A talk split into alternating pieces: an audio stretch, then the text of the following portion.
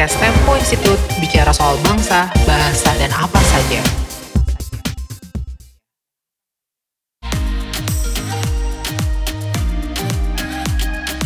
Selamat datang di podcast Utara Tempo Institute, tempat kita berbincang tentang bahasa, bangsa, dan apa saja bersama saya, Gita Putri Damayana dari Pusat Studi Hukum dan Kebijakan Indonesia, PSK, dan Sekolah Tinggi Hukum Indonesia Bintara. Bersama saya di sini adalah Yanuar Nugroho, anggota Akademi Ilmu Pengetahuan Indonesia, ALMI, Deputi Dua Kepala Staf Kepresidenan dari Kantor Staf Presiden Indonesia, serta Honorary Research Fellow di University of Manchester. Ini cukup banyak topinya ya.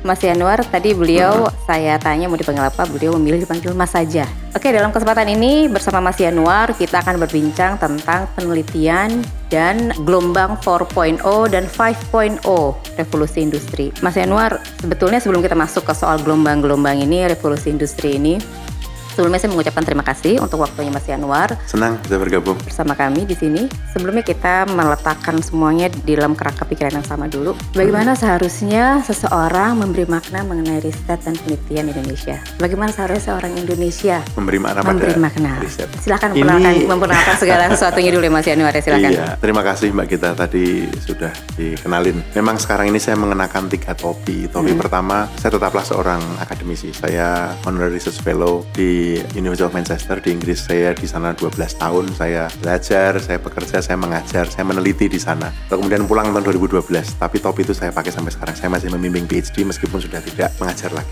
Yang kedua, saya anggota ALMI, Akademi Ilmuwan Muda Indonesia. Ini juniornya IB gitu kira-kira ya. Saya merasa senang sekali bergabung di ALMI sejak tahun 2016 saat itu. Ini adalah komunitas akademik yang menurut saya yang berisi anak-anak muda yang mau mempreserve, yang mau menjaga, yang mau tetap setia dalam panggilan sebagai peneliti, sebagai ilmuwan. Dan yang ketiga, kebetulan saya mendapatkan mandat dan kepercayaan dari Bapak Presiden untuk duduk sebagai menjabat sebagai deputi dua kepala staf kepresidenan. Bidang yang saya tangani cukup luas, sosial, budaya, ekologi. Salah satu di antaranya adalah riset. Itu ada di dalam portofolio saya. Jadi saya merasa satu sisi saya seorang akademisi yang sekarang mendapatkan kesempatan langsung ada di dalam pemerintahan. Maka kalau tadi pertanyaan tadi kedengarannya sederhana Mbak, tapi sulit dijawab itu. Bagaimana memberi makna, memaknai riset. Kalau boleh begini, saya ingin menjawabnya. Soalnya kalau gampang nanya nggak ke Kalau Mas gampang. Yanuar. Ah. Terima kasih. Gini, saya harus mengakui bahwa tidak semua orang melihat riset itu sebagai satu jalan hidup, pilihan, profesi utama yang bisa dilihat prospektif. Artinya prospektif itu secara finansial menjanjikan, secara karir terhormat begitu. Di Indonesia ini saya melihat kok belum begitu. Saya hidup sebagai peneliti cukup lama di negara lain, di Inggris lah di mana saya melihat situasi di mana seorang peneliti itu mendapatkan respect, di mana seorang peneliti itu mendapatkan Reko- kesempatan rekognisi. rekognisi, betul istilah itu. Itu yang saya merasa di Indonesia ini masih perlu dibangun. Karena kalau kita melihat atau mencoba menjawab pertanyaan bagaimana seharusnya seorang memahami riset, riset atau penelitian atau hidup sebagai seorang peneliti atau riset ini adalah satu ruang yang sangat luas ruang untuk mengelaborasi sekaligus sebenarnya hakikatnya adalah mencari jawaban-jawaban atas persoalan-persoalan hidup ini saya mencoba menyederhanakan kalimat yang saya sendiri deg-degan Deg-degan menjawab ya, persoalan hidup. karena pemaknaan riset adalah pemaknaan tentang memahami persoalan hidup dan mencoba menjawab dari kacamata mana? Kacamata ilmu, dari kacamata keahlian, dari kacamata profesional. Dalam bahasa Latin itu profiteor. Saya berjanji dalam kapasitas saya ini untuk mencoba menjawab. Jadi ini kombinasi banyak. Jadi kalau saya boleh mengajukan jawaban yang agak sederhana ya Mbak atas pertanyaan yang ruwet tadi dan menurut saya pertanyaan yang sangat menantang dari Mbak kita tadi adalah bagaimana seharusnya memahami riset. Riset adalah satu domain, satu ruang di mana persoalan-persoalan hidup itu dibicarakan, diwacanakan, diolah, direfleksikan dan dicari jawaban. Jadi pertama dan terutama panggilan seorang peneliti, seorang periset adalah memahami dulu dunianya itu mengalami masalah apa. Kemudian dengan ilmunya mencoba memberikan jawaban. Ada dua. Di sini saya harus cerita. Mazhab. Mazhab pertama adalah ilmu untuk ilmu. Mazhab yang kedua adalah ilmu untuk menjawab. Apakah itu dipertentangkan? Enggak. Karena science is always progressing. Ilmu itu selalu berkembang. Dan menurut saya di sini kemudian kita perlu membedakan atau melihat bukan memisahkan, tapi membedakan memang ada riset, ada penelitian orang punya riset dasar Ya. yang memang untuk mengembangkan itu. Tapi ada riset yang memang harus aplikatif untuk mencoba memberikan jawaban atas pertanyaan-pertanyaan kontemporer. Maaf ya panjang jawabannya Mbak, tapi Iya, kira-kira iya, iya. begitu saya ngeliatnya. Karena pertanyaannya memang yang seolah-olah sederhana padahal jawabannya kompleks. Itu kompleks memang Mbak kita ini. Nah, Oke. begitu kalau lagi-lagi kalau kita bicara riset sekarang dan Hmm. dikaitkan dengan revolusi industri ini, artinya riset yang berhubungan dalam ekosistem ini ya, itu riset yang seperti apa yang Ah. berhubungan dengan industri 4.0 ini? Gini, saya mundur sedikit mencoba meletakkan sekarang kita sedang euforia menurut saya. Semua orang kalau nggak ngomong 4.0 rasanya nggak afdol. Mulai dari pejabat di RT sampai di pemerintah itu tertinggi kalau nggak ngomong 4.0 rasanya kok mana gitu. Iya.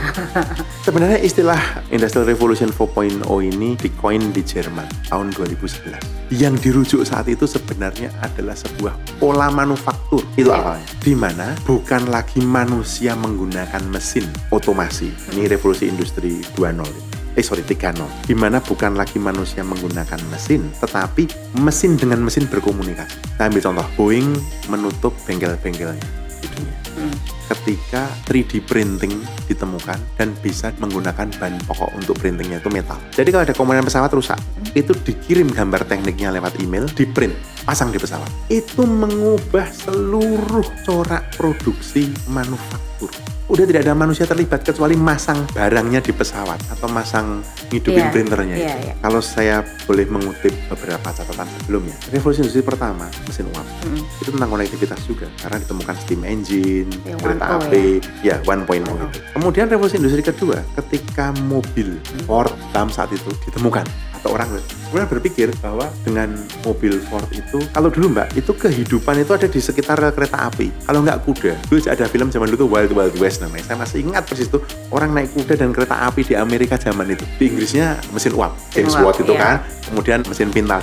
Kemudian ketika Ford menemukan mobil yang hitam itu, orang bahkan mengatakannya adalah demokratisasi transportasi, democratization of transport, karena orang bebas ke mana saja. Nah, revolusi industri ketiga adalah ketika manusia mengotomasi proses. Di situ Ditemukan dan lain-lain. Yang keempat ini bukan lagi manusia memerintah mesin, tapi mesin ke mesin. Saya tadi bilang tadi, di mana manusia kemudian punya role untuk menentukan ini mengerjakan apa, mengerjakan apa. Itu di manufaktur. Tapi ini kan teknologi tidak berjalan sendirian ya Mbak ya. Ini Iya. terrefleksi terkait dan orang justru melihat sekarang di sektor yang non manufaktur, IoT ini, Internet of Things, semua hal terkoneksi. Kulkas yang paling modern, saya lupa yang membuat siapa kalau nggak salah LG atau G, saya lupa tapi kulkas yang paling modern itu tersambung bukan hanya ke colokan listrik, dia tersambung ke wifi, tersambung ke supermarket terdekat dengan otorisasi kartu kredit. Waktu mengoperasikan kulkas itu harus dimasukkan jumlah minimum daging sapi 100 gram, jumlah minimum bayam 100 gram, jumlah minimum telur 4 butir. Mengapa? Karena kulkas yang belanja, ketika stoknya sudah menipis, kulkasnya langsung ngirim pesan ke supermarketnya, Diantar sama drone gitu tiba-tiba pintu anda diketuk bu kita ini pesan belanja anda bilang lu saya nggak belanja. Yang belanja kulkasnya bu. Bukan ibu. This is the new world. Nah penelitian. Balik. Penelitian kita di sektor teknologi untuk 4.0 secara global menurut saya we are already there. Tetapi riset mengenai apa implikasi sosial kultural ekonomi human interaction atas itu belum cukup banyak. Kalau saya boleh bilang Iya. ya, ini saya memberi gambaran di level global dulu, belum di Indonesia. Jadi riset mengenai 3D printing itu luar biasa. Bahan baku apa luar biasa. Sekarang orang bisa kok ngeprint makanan dengan bahan baku untuk printingnya itu gluten. Iya. BPPT sudah berhasil membuat tulang sintetis bahannya dikombinasikan dengan 3D printing mbak. Ketika lutut atau tulang kaki patah itu cuma tinggal di print. Ini akan mengubah masa depan kedokteran. Jadi riset di area kalau saya boleh bilang hard core-nya 4.0 we are already there. Even di Indonesia BPPT kemudian ini lembaga pemerintah loh ya. Saya yakin banyak universitas we are already there. Yang we are not quite there adalah bagaimana kemudian 4.0 ini mempengaruhi cara hidup. Orang punya istilah mbak namanya platform. Platform itu kan sebuah stage gitu ya on which interactions happen. Jadi ada dua perkara. Perkara platformnya apa kedua perkara interaksi. Nah ini yang belum banyak ini diri ini yang belum banyak diulik. Kalau saya jualan sabun di Instagram mbak kita beli percaya pada saya nomor rekening ini ya ini saya kirim. Karena saya nggak ngirim. Dispute di mana itu? Gimana menyelesaikannya? Contoh Mm-mm. Tokopedia mungkin lebih jelas atau Ya. Bukalapak mungkin. Jadi sekarang sudah beberapa, terutama ini akan sangat berpengaruh pada gimana kita mendefinisikan hukum, gimana kita mendefinisikan etik, gimana kita mendef apa pun yang terkait dengan interaksi. Nah, even di tingkat global kita punya perkara itu, kita masih punya PR itu. Untuk penelitian kita di Indonesia, yang disebut dengan industri 4.0 ini, kalau saya mau melihatnya lebih mendalam adalah bagaimana negara-negara seperti di Indonesia ini sebenarnya dua sisi. Satu, benefit from this advancement of technology. Kemajuan teknologi ini kita memanfaatkannya kayak apa ya? Nah ini kalau saya boleh Ah, potong sedikit oke. ya. Ini apa nih artinya kan ada soal komunikasi kan di sini ya. Hmm. Ada soal komunikasi dan tadi Mas Yanuar bicara soal semua orang ingin bicara mengenai Hmm. 4.0, tapi jangan-jangan inti pesannya itu sendiri masih belum tersampaikan dengan baik atau Hmm. minimal belum dimengerti dengan baik. Jadi kalau misalnya kita boleh berandai-andai ya, bagaimana misalnya Mas Yanuar menjelaskan mengenai 4.0 ini kepada Masyarakat umum. masyarakat umum. Kita ambil sampel aja misalnya seorang nelayan di Sumba. Mm-mm. Gimana kita menjelaskan mengenai 4.0 dan bagaimana dia sebagai seorang ayah mempersiapkan anaknya Anaknya. misalnya. Aduh, susah, susah lagi nih ini.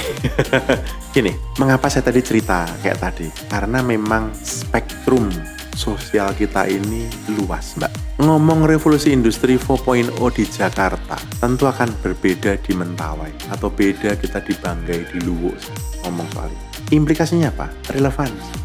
Relevansinya akan relevan nggak sih buat saya? Mengerti nggak sih? Pentingnya apa sih saya ngerti 4.0? Jadi kalau saya melihatnya begini, memahami esensi 4.0-nya itu kita ngerti di level manufaktur dan tadi saya bilang interaksi Mm-mm. manusia. Tapi kalau kita mau bicara kepada orang mengenai 4.0, menurut saya kok nggak semua orang harus didoktrin atau nggak semua orang harus diberitahu. Tapi bahasa yang paling sederhana adalah teknologi ini membantu anda jadi nelayan nggak sih? Jadi menurut kalau saya misalnya, Iya, langsung praktikal ya. Praktik, langsung praktikal. Misalnya, Pak tangkapan ikannya Mm-mm. berapa banyak sekarang? Saya ngawur aja. Mm-mm. Ya 40 kilo, 30 kilo sehari. Loh Pak, bukannya di sana ada banyak ikan? Loh gimana saya tahu? Pak, ada loh Pak app untuk nelayan Pak Mhm. yang bisa memetakan yang app itu terhubung dengan HP kan yang bisa memetakan zona ikan jadi Bapak melautnya kapan ke mana untuk nyari ikan kalau saya saya akan Iya. ngomong begini atau petani 4.0 itu apa toh 4.0 itu artinya Bapak bisa jualan langsung tanpa lewat tengkulak Ya begitu Itu jadinya ya. saya akan. Iya, iya. Kenapa? Pakai Tani Hub atau pakai M Tani atau jualan buka lapak aja. Di buka lapak itu by the way ada 4 juta orang jualan di dengan pasar 20 juta. Itu online ya, yang nggak ada bar- nggak kelihatan fisiknya. Itu kalau fisik itu mallnya segede apa coba? Yang orang 4 juta penjual. Saya bisa bilang ngomongnya gini, oh iya Pak, jadi produksi Bapak emping atau produksi apa itu bisa dijual langsung. Ini sebuah pengandaian atau sebuah cara bercerita yang sederhana, tetapi prosesnya nggak sederhana. Karena mediating ini, proses memediasi itu kan nggak maka tantangannya adalah satu sisi menjelaskan kepada para petani, para nelayan. Mungkin ngomong 4.0 kepada tukang ojek lebih gampang, ya kan? Tukang ojek kota besar ya. Ke kota-kota Terutama, besar. ha, ha, ha. Tapi ngomong ini ke nelayan atau petani benar. Saya waktu saya di Banggai, saya diminta bicara mengenai revolusi industri 4.0 di sektor pertanian. Pusing juga sih ini. Cara saya ngomong, saya butuh waktu lama itu untuk menata presentasi saya itu. Tapi kemudian ngomongnya begitu, komoditi di sana ternyata adalah coklat, yang komoditi strategis, yang kemudian ketika rezim berganti, komoditi itu drop. Mm-mm. Ada permintaan coklat dunia melambung, maka why don't we use 4.0 ini Iya. untuk linking ke mereka? Hmm. Jadi satu sisi ada persoalan teknologi, kita bisa benefit atau tidak dari situ. Sisi yang kedua adalah ada jenis interaksi manusia ini yang perlu untuk ditelisik lebih dalam. Ini mengubah relasi antara produsen dan konsumen. Kalau dulu ada middleman, middleman ini hilang. Kalau middleman hilang, dia akan jadi apa ya? Dia akan mengganggu atau tidak? Dia masuk dalam proses bisnis atau tidak? Itu harus dipikirin. Ngomong ke dokter lebih gampang. Saya nggak tahu mbak kita pernah dengar ini atau belum? Di Papua, di Jayapura mbak, itu kemarin, I mean by kemarin ada beberapa bulan yang lalu, uji coba operasi mikro otak dengan telemedicine. Operasi otak di Jayapura dibimbing langsung dari Cipto Mangunkusumo. Karena saya real time. Itu operasi mikro loh ya, bukan Iya. hanya operasi kecil itu. Iya. Kalau salah motong urat kan, nah, dan dia mengatakan, eh tolong jangan dipotong karena lag, eh udah kebetulan kepotong kan. Karena itu sukses Hmm.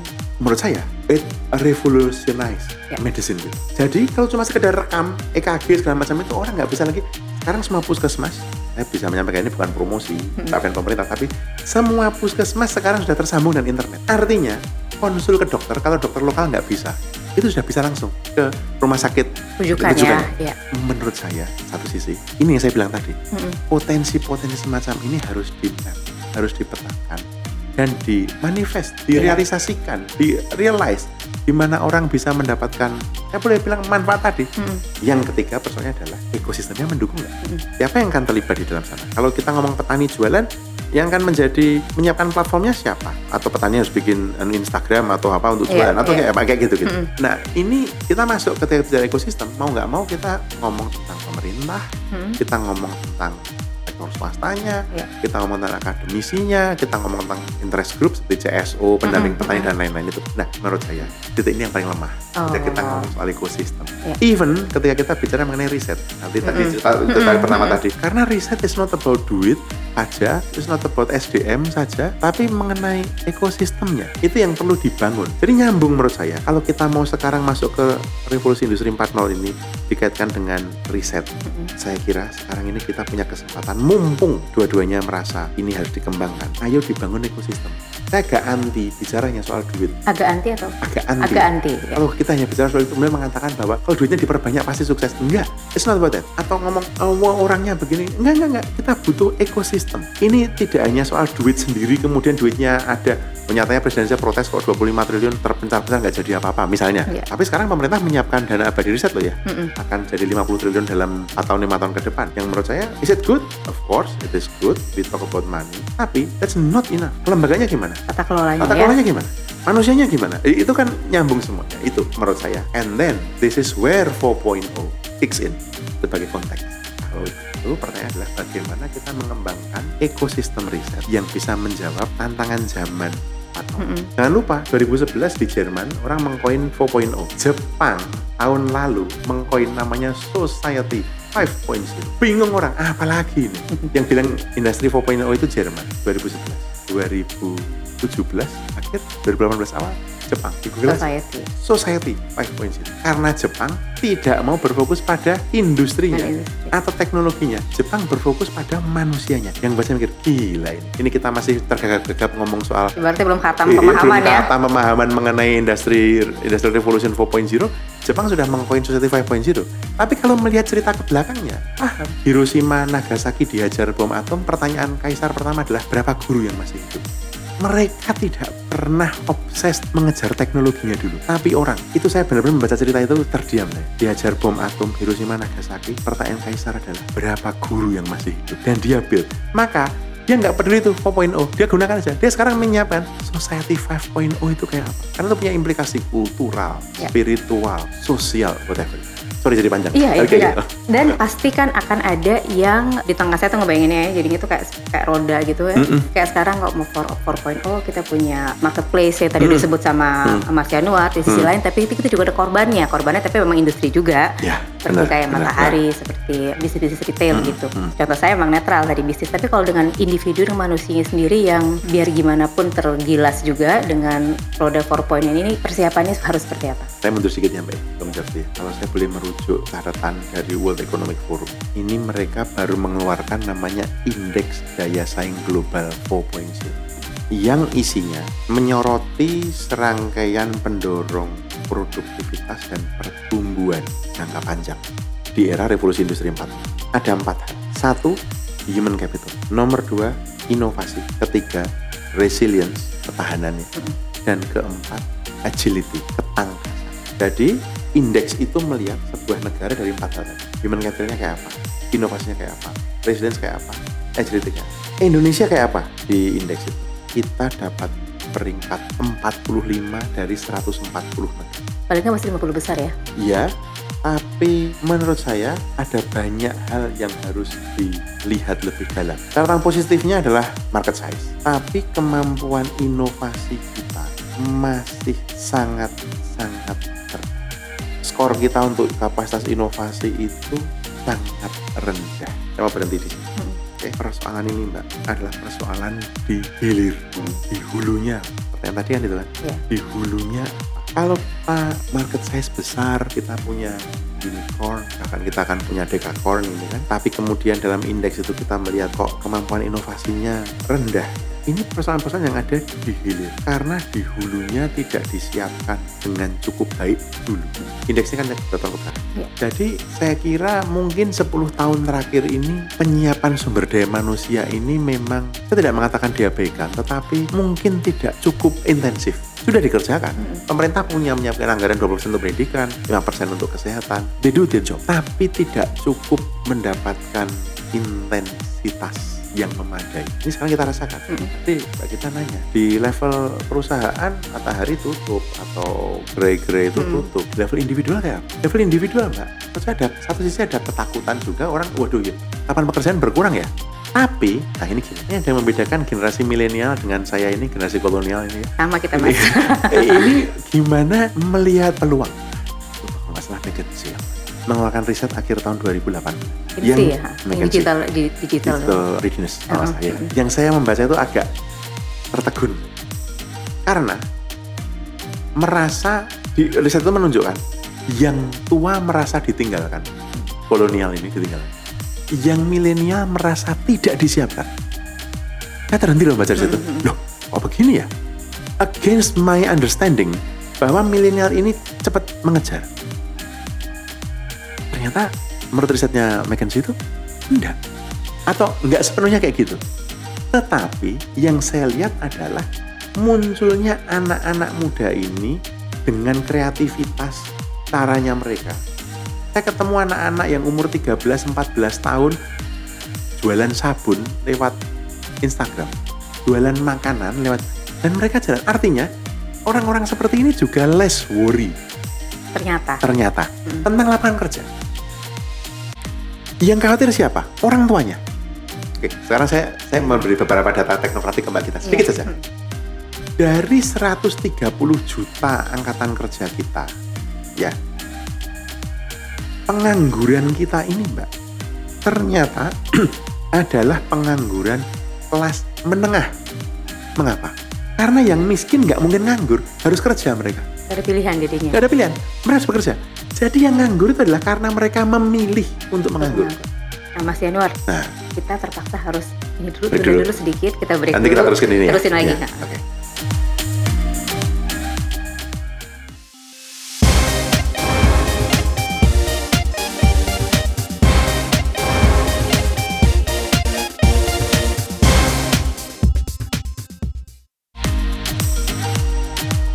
Selamat datang di podcast Utara Tempo Institute tempat kita berbincang tentang bahasa, bangsa, dan apa saja bersama saya Gita Putri Damayana dari Pusat Studi Hukum dan Kebijakan Indonesia dan mengajar di Sekolah Tinggi Hukum Indonesia Jentera. Bersama saya di sini lagi Mas Yanuar Nugroho, anggota Akademi Ilmu Pengetahuan Indonesia, Deputi 2 Kepala Staf Kepresidenan Kantor Presiden Indonesia, serta Honorary Research Fellow di University of Manchester, Inggris.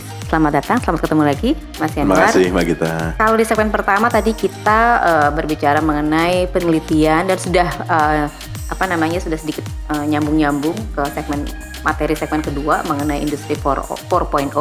Nah sekarang kita di eh, topik kedua di segmen kedua ini akan lebih fokus ke mengenai industri 4.0 itu. Hmm. Nah sekarang kalau menurut Mas Yanuar tadi eh, pembicaraan seperti apakah yang harus harusnya ada di publik mengenai eh, industri 4.0 ini? Terima kasih Mbak Gita. Eh, meneruskan obrolan sebelumnya.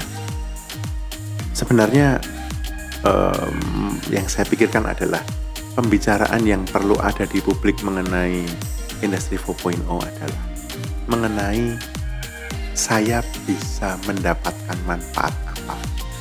Maksud saya begini, eh, penjual nasi bakar bisa jualan Mhm. online.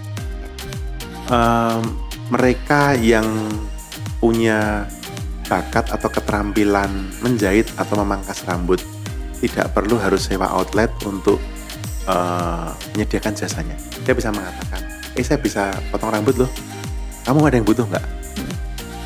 Petani bisa langsung menjual hasil buminya ke yang membutuhkan. Nelayan juga begitu. Itu yang bayangan saya. Jadi pembicaraan mengenai 4.0 di masyarakat adalah agak sedikit konseptual.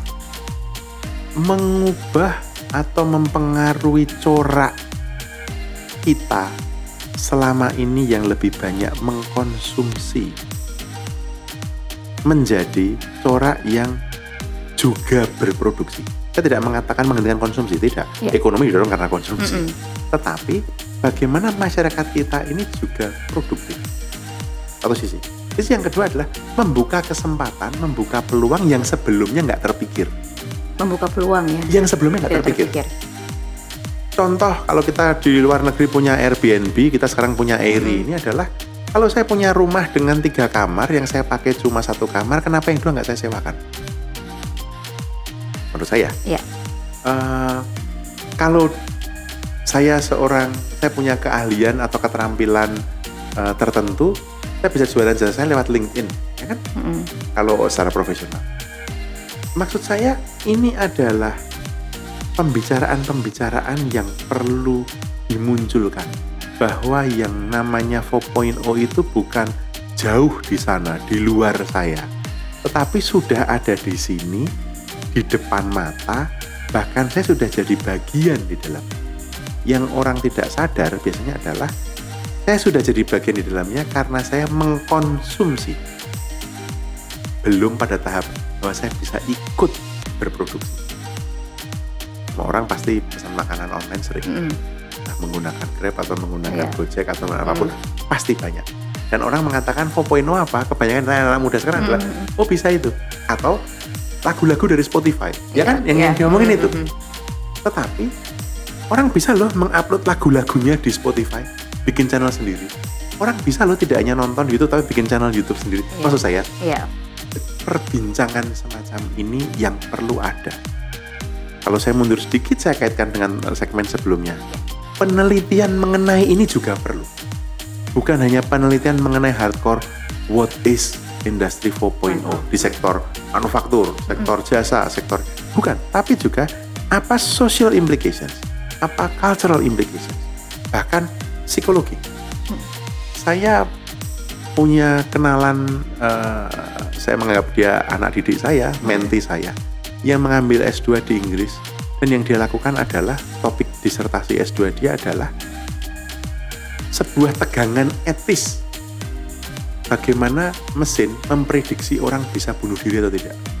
Itu dia menggunakan AI, dia Hmm. menggunakan big data dari status di Facebook. Kalau orang mau bunuh diri ternyata itu statusnya itu depressing begini begini begini. Nah, intervensi boleh nggak? Iya. Boleh nggak secara etik gitu? Nah, penelitian semacam itu mbak menurut saya di Indonesia masih kurang. Data angka bunuh diri juga jangan-jangan Ya, masih sulit. ini ini bukan soal bunuh dirinya, maksud saya. Tapi penelitian mengenai dampak Iya. eh, atau bukan dampak. Kalau kita ngomong dampak itu selalu negatif enggak. Iya. Tapi bagaimana industri 4.0 ini mempengaruhi relasi antar manusia, mempengaruhi antara manusia dan pemerintah, mempengaruhi pe- pemerintah dengan rakyatnya. Contoh, sekarang ini orang komplain ke mana-mana. Hmm. Ada pejabat negara salah masuk jalur busway aja diprotes di Twitter, di kantor ditegur dia. Maksud saya seperti seperti itu. Iya, iya. Jadi ini change menurut saya ya yang paling revolusioner dari revolusi industri 4.0 adalah mengubah corak relasi antar eh, pelaku sosial Iya. masyarakat, pemerintah, bisnis. Sekarang nggak bisa orang bersembunyi di balik arogansi karena saya pemerintah atau karena saya perusahaan besar. Orang ada masalah di blow di Twitter atau di blow di Instagram bingung itu harus eh, seperti itu. Nah Iya, itu yang iya. menurut saya perlu dilihat lebih. Dan eh, kalau sependek pengetahuan saya, Hmm. pemerintah juga sudah melakukan banyak hal untuk soal eh, 4.0 ini. Hmm. Dan eh, dari dan pemerintah itu kan agendanya banyak ya, Akhirnya banyak sangat banget, banyak ya Mas Januar ya. Itu eh, misalnya satu dokumen yang saya baru baca itu mengenai eh, 4.0 dari Kementerian Perindustrian. Hmm, Di sisi lain eh, kantor Mas Januar di KSP juga penelitian juga membuat beberapa tulisan-tulisan mengenai apa namanya mengenai 4.0. Nah, dari eh, saya saya eh, tidak tahu bagaimana pemerintah mensinergiskan eh, agenda-agenda kebijakan ataukah inisiatif-inisiatif dari antar kementerian dan lembaga dan apa mungkin cepat juga ada dari daerah ya mengenai Hmm. 4.0 ini. Hmm. Misalnya eh, reformasi birokrasi, Hmm. kemudian uh, making Indonesia 4.0 Ya, di Kementerian Perindustrian itu Hmm. bagaimana pemerintah mensinergiskan semua ini?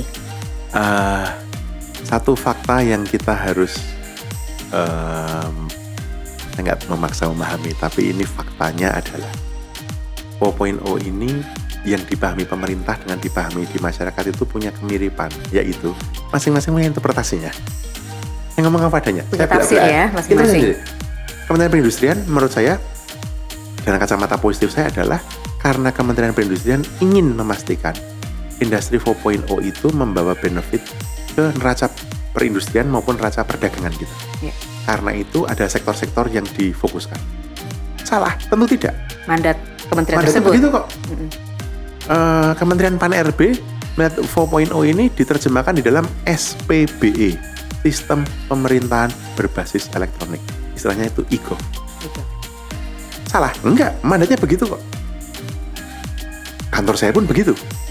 Kami memahami 4.0 ini adalah bagaimana teknologi ini membantu pengambilan kebijakan, terutama strategis, itu dengan lebih akurat. Maka kalau istilahnya Mbak Gita adalah mensinergikan atau mengorkestrasi, saya lebih cenderung ah, biarkan aja deh. Yang penting kementerian-kementerian itu memahami esensi 4.0 tadi, bahwa itu mengubah corak relasi. Jadi kementerian UMKM biar jalan terus. Kominfo jalan terus dengan 1000 startup itu. UMKM dengan mendorong apa namanya eh, UMKM digital itu biar jalan terus. Kementerian Kesehatan dengan telemedicine-nya jalan terus. Pan RB dengan reformasi birokrasi menurut saya itu sangat penting Mm-mm. harus jalan. Mengapa? Revolusi industri keempat, Industrial Revolution 4.0 ini menuntut education 4.0, menuntut government 4.0. Udah ke sana belum kita? Belum. Jadi Menurut saya- prasyaratnya sebetulnya itu. menuntut policy making 4.0. Apa itu? Pembuatan kebijakan yang berbasis bukti, berbasis data, bukan katanya. Itu mengapa kantor saya, Mbak Contoh, kantor staf presiden, kami tidak mengambil semua domain itu. Kami mengambil atau memilih area-area yang menurut kami strategik di Hmm. dalam mencapai visi misi pemerintah. Itu mengapa kalau di kantor kami yang kami dorong adalah membangun ekosistemnya dan kalau ada yang mau diungkit adalah yang sangat mendasar, yaitu apa? Evidence. Itu mengapa KSP mendorong One Map. Mhm. Mbak, 70 tahun merdeka Indonesia dulu tidak punya peta rupa bumi sendiri. Kita pakai Google. Loh kok gitu? Maka Perpresnya, Perpres 9 2016 itu memandatkan peta rupa bumi 1 banding 50 ribu dan di atas peta rupa bumi itu ada 85 peta tematik. Sekarang saya bisa bangga mengatakan semua instansi pemerintah sekarang bahkan kalau Anda pakai aplikasi-aplikasi itu nggak pakai Google Map. Kita nggak pakai Google Earth peta Iya, bumi itu. iya. Kita pakai peta bumi itu sendiri. Dan sudah punya 85 peta tematik di mana masing-masing untuk kita mem- mem- me- apa namanya memastikan perencanaan pembangunan itu nggak salah. Itu mengapa kami mendorong satu data, one data. Karena orang berkelahi, menteri-menteri berkelahi data mana yang benar yang benar. Oke, nggak bisa harus dibenahi. Dia kan menerima bantuan sosial, ya harusnya terima BPJS kok tidak, ya harusnya terima ini, nggak gitu kan? Iya. Orang protes. Mengapa? Basis data, data, data. Jadi KSP, kami percaya Kementerian Perindustrian akan melakukan yang terbaik dengan lima sektor. Kami percaya Kementerian Pariwisata dengan 10 New Bali itu jadi, akan melakukan yang terbaik. Kami percaya Kementerian Kesehatan akan melakukan yang terbaik. Kami di KSP, kami melakukan yang terbaik juga untuk memastikan ini jalan. Kami sekarang kerja bareng sama Kementerian Pan-RB, dengan Kominfo, dengan Bapenas, dengan Dagri untuk memastikan tadi Mbak yang disebut reformasi pemerintahan digital. Hmm.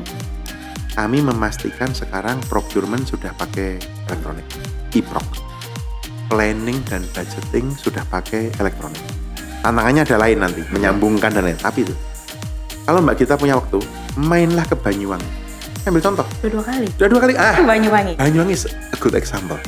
Bupatinya di mana pun dia bisa rapat menggunakan FaceTime tanpa nyebut merek ini ya, bukan Iya, iya. bukan soal merek, tapi maksudnya dia bisa online meeting mimpin itu, penganggaran, kemudian perencanaan semuanya kerjakan. Sebelumnya Bojonegoro, Bojonegoro itu dari salah satu kabupaten paling miskin di Jawa Timur dalam 8 tahun mengubah wajahnya. Bojonegoro itu satu dari 15 kabupaten sedunia yang menjadi pionir menjadi contoh untuk open government? Gila? Nah ini ini Mas Ini, Yanuar udah masuk ke daerah ya, Aduh, ke iya. daerah ya. Jadi arti sebetulnya kan eh, bagaimana tantangan pembangunan ini coba dijawab Hmm, oleh hmm. masing-masing ya. Hmm, hmm. Nah sekarang kalau kita misalnya mau lihat ke apa namanya eh, tantangan pembangunan dan di 4.0 ini, Hmm. Tantangan pembangunan Indonesia tentunya tidak selesai dengan digitalisasi dan dari ininya banyak apa namanya persoalannya banyak dari mulai inequality kesenjangan sampai apa namanya eh, tingginya kematian ibu dan bayi sampai Yes. pendidikan. Nah, bagaimana eh, 4.0 ini bisa membantu menjawab tantangan Pembangunan. seperti itu? Oke. Seperti anak sekolah, pemerintah itu punya rapor. Hmm. Rapor itu isinya lima. Satu pertumbuhan ekonomi. Dua kemiskinan. Tiga kesenjangan. Empat inflasi. Lima pengangguran. Ini rapornya pemerintah. Hmm. Jadi kalau mau mengatakan atau mau menilai pemerintahan Jokowi JK ini seperti apa, lihat lima ini. Bandingkan saja lima rapor ini tanggal 20 Oktober 2014 dengan 19 Oktober 2019 nanti. Untuk ngelihat Jokowi JK ini berhasil atau gagal. Udah nggak usah pakai gimmick apa pun juga. Pertumbuhan ekonomi kayak apa? Kemiskinan kayak apa? Kesenjangan kayak apa? Inflasi seperti apa? Pengangguran kayak apa? Lima ini adalah indikator yang menunjukkan kinerja. Sekarang muncul 4.0. 4.0 bisa membantu Di mana? Kalau saya boleh review secara cepat 5 rapor tadi. Pertumbuhan ekonomi Indonesia itu 5% kira-kira, stabil 5% 4 tahun terakhir.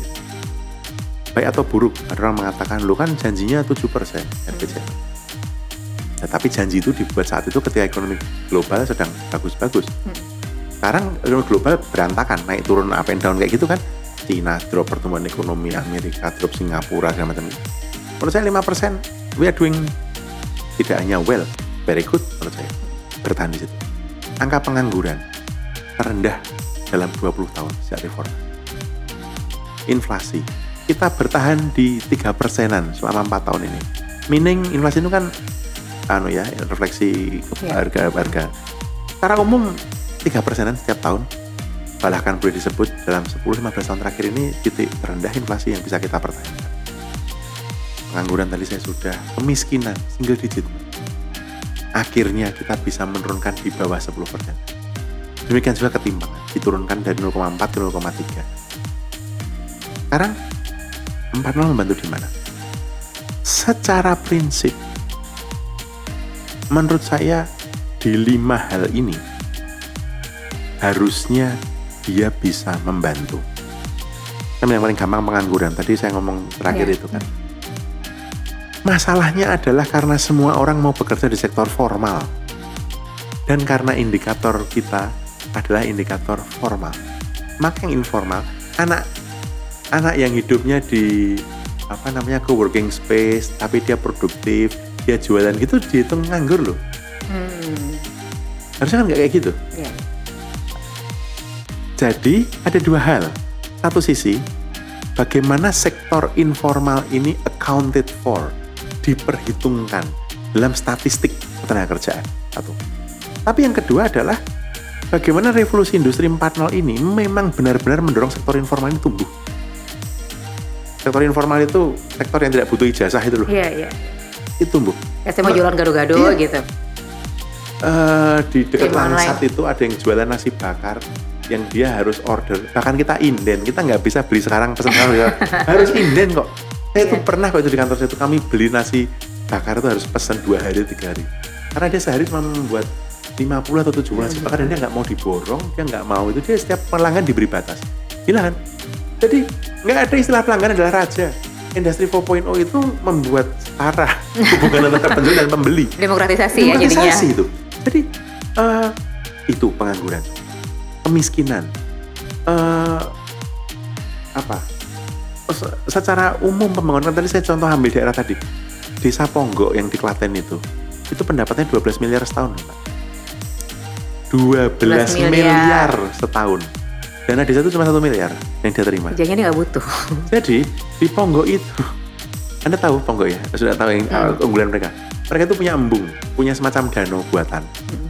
Di dalam danau itu ditenggelamkan, bukan tenggelam, ditenggelamkan motor, beca. Jadi orang-orang nyelam ke bawah, naik motor di dalam danau, sambil tenggelam sambil menahan napas Hmm. itu, difoto. Serius. Itu nge-charge oleh penduduk desa. Kamu masuk ke situ mau selfie padahal udah harus nahan napas, tenggelam, duduk di motor di bawah, di-charge. 12 miliar setahun. Gimana populer itu? Instagram. Instagram. Menurut saya ini luar biasa.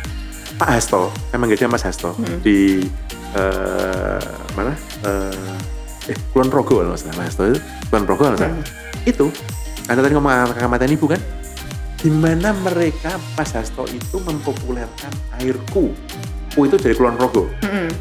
Dia tidak melarang air kemasan yang lain, Ades, Aqua itu nggak dia larang. Tapi yang dia kerja adalah dia mempromosikan airku itu untuk digunakan instansi pemerintah lewat online semua. Dua, dia mempromosikan mengenai sanitasi. Kulon Progo adalah kabupaten yang sudah ODF, Open Defecation. Sanitasinya 100%. Dia extend jaminan kesehatan itu. Angka kematian ibu dia tekan. Bukan hanya karena dia dokter ya, Iya, iya. tapi karena dia ngerti cara. Saya ambil contoh yang lain, Desa Nita di Nusa Tenggara. Desa Nita itu berinovasi, dia nggak butuh 4.0 yang aneh-aneh, pakai bendera.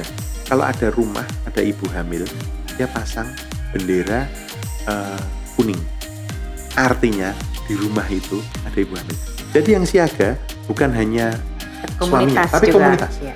Kalau hamilnya bermasalah dia ganti jadi bendera Bendera merah merah. dipastikan semua orang ngerti sehingga datang ke vaskes. Mbak, di Sanita itu menurunkan angka kematian ibu menjadi nol. Viral. 4.0-nya viral. Bukan karena mereka pakai SMS. Iya. dia- Maksud saya, it is the way how technology can help development. Kata kuncinya satu, mengakar. Bahwa teknologi itu harus kontekstual. Kalau enggak, forget it. Mas uh, Yanuar, ini pertanyaan terakhir sekaligus penutup. ya, apabila pertanyaan sebelumnya melihat ketenangan bangunan, sekarang dari posisi narasumber Hmm. Mas Yanuar yang memiliki pengalaman sebagai akademisi, sebagai peneliti dan serta aparat pemerintah. Jadi semuanya dilewati. Ini paling sulit. Bagaimana kan proses menuju revolusi industri 4.0 ini akan Hmm. dilewati oleh bangsa Indonesia? Saya perlu mengambil napas untuk menjawab pertanyaan ini. Bagaimana kan Ini penutup terakhir, tenang aja, Mas. Gini, eh, merefleksikan pengalaman saya, saya saya nggak tahu ini beruntung atau justru apa ya tertantang itu pernah hidup di luar cukup lama. Kemudian kembali ke Indonesia sebagai seorang akademisi, peneliti yang kemudian nyemplung ke pemerintah di urat sarafnya lagi, di pusat sarafnya pemerintahan lagi, di dulu di KP4 dengan Pak Kun, Mm-mm. sekarang di kantor staf presiden mengalami Pak Luhut, Pak Teten, sekarang Pak Muldoko. Saya melihatnya begini, Mbak. Indonesia ini dalam perjalanan revolusi industri 4.0 ini. Satu kata barangkali adalah akan berdinamika, akan ada naik turun tantangan terbesar mengapa ada dinamika tersebut adalah karena kita masih saat ini saya melihatnya euforia masih dalam tahap hype euforia semuanya 4-0 semuanya 4-0 semuanya 4-0 belum sepenuhnya memahami apa yang disebut dengan unintended consequence. Konsekuensi yang tidak diniatkan, tapi bisa jadi sangat berdampak. Jadi kalau pertanyaannya adalah gimana kita melewati, ini akan dinamika. Akan ada tarik menarik, tarik ulur antara pemerintah, kelompok non pemerintah, akademisi, masyarakat. Contoh kemarin regulasi mengenai angkutan online. Hmm. Apakah roda dua boleh? Ingat ya waktu itu ramai antara Gojek dengan Grab dengan Mm-mm. pemerintah itu. Itu adalah tantangan kebijakan sekarang. Itu satu dinamika. Dan dinamikanya ya itu banyak dinamikanya. Karena eh, memang revolusi industri 4.0 ini saya bilang dari awal tadi mengubah corak relasi. Jadi kita akan melewatinya tidak berdarah-darah gitu enggak, tapi akan penuh dinamika, akan penuh dialektika, akan penuh tegangan yang kalau pemerintah tidak arif melihat atau kelompok masyarakat semua pihak tidak cukup punya kedewasaan bisa kontraproduktif. Tapi saya percaya ini akan membaik. Satu sisi, contoh tadi uh, apa uh, transportasi online. Hal kedua apa? Privasi. Undang-undang perlindungan data pribadi. Belum loh. Belum, belum Kita itu. garap itu, ya kan? Belum punya Kedua, kita. dispute. Dispute apa namanya? uh, perdata online. Area hukum gede banget ini. Kita sebagai orang yang di sektor hukum pasti memahami. Kayak apa? Ini semua orang akan berusaha mempengaruhi. Kalau saya boleh sedikit menggunakan uh, pendekatan keilmuan. Menurut saya industri 4.0 ini akan menjadi contested area. Ini area yang diperebutkan semua agar pengaruhnya masuk. Mbak, khotbah-khotbah di gereja sudah online. Saya yakin teman-teman muslim juga menggunakan dakwah online nyebar lebih cepat. Semua agama. Jadi ini semua orang, semua area berusaha memperoleh mana yang boleh, mana yang tidak, mengapa ini di blok, mengapa ini tidak. Iya. Saya tahu omongan ini sangat bias 4.0 di level internetnya ya Iya. namanya. Di level manufaktur juga. Di mana produksi akan kembali. Di mana industri industri di Indonesia kan ya. jasa juga, eh, manufaktur juga. Saya melihatnya tetap optimis. Iya. We are going there, we are getting there. Kita akan menjadi lebih baik. Tetapi proses ini mensyaratkan, proses ini meminta, proses ini mengandaikan interaksi para pihak tadi itu berjalan sehat. Dan saya tidak bisa tidak memang menunjuk, meminta, saya juga bagian dari pemerintah. Memastikan bukan hanya ekosistem, tapi ekosistem diskursnya juga harus sehat. Dan saya melihat tidaknya kita mengarah ke sana. Yang dikerjakan Kominfo dengan hiperkreasi, dikerjakan Kominfo dengan semacam panel untuk blokir. Jadi kalau ada masalah apa-apa ini, itu ada satu cara. Tapi menurut saya ke depan jangan eh, kalau ada ketidaksepakatan, kesalah apa, ketidaksatuan cara melihat, jangan kemudian dilihat anti. Baik pemerintah ke non pemerintah atau Iya. non pemerintah ke pemerintah. Tapi menurut saya diskurs itu tetap perlu ada, tetap perlu dibangun. Justru karena ini hal baru. Saya selalu bilang jangan delusional, Iya. jangan melihat bahwa pemerintah ini pasti bisa menyelesaikan semua. Dunia ini makin kompleks, dunia ini sudah kompleks. Mm-mm. Pemerintah sendiri tidak cukup. Pemerintah perlu melihat, perlu bekerja sama, perlu duduk bersama dengan mereka-mereka yang ada di luar pemerintah untuk melihat ini, untuk memecahkan ini.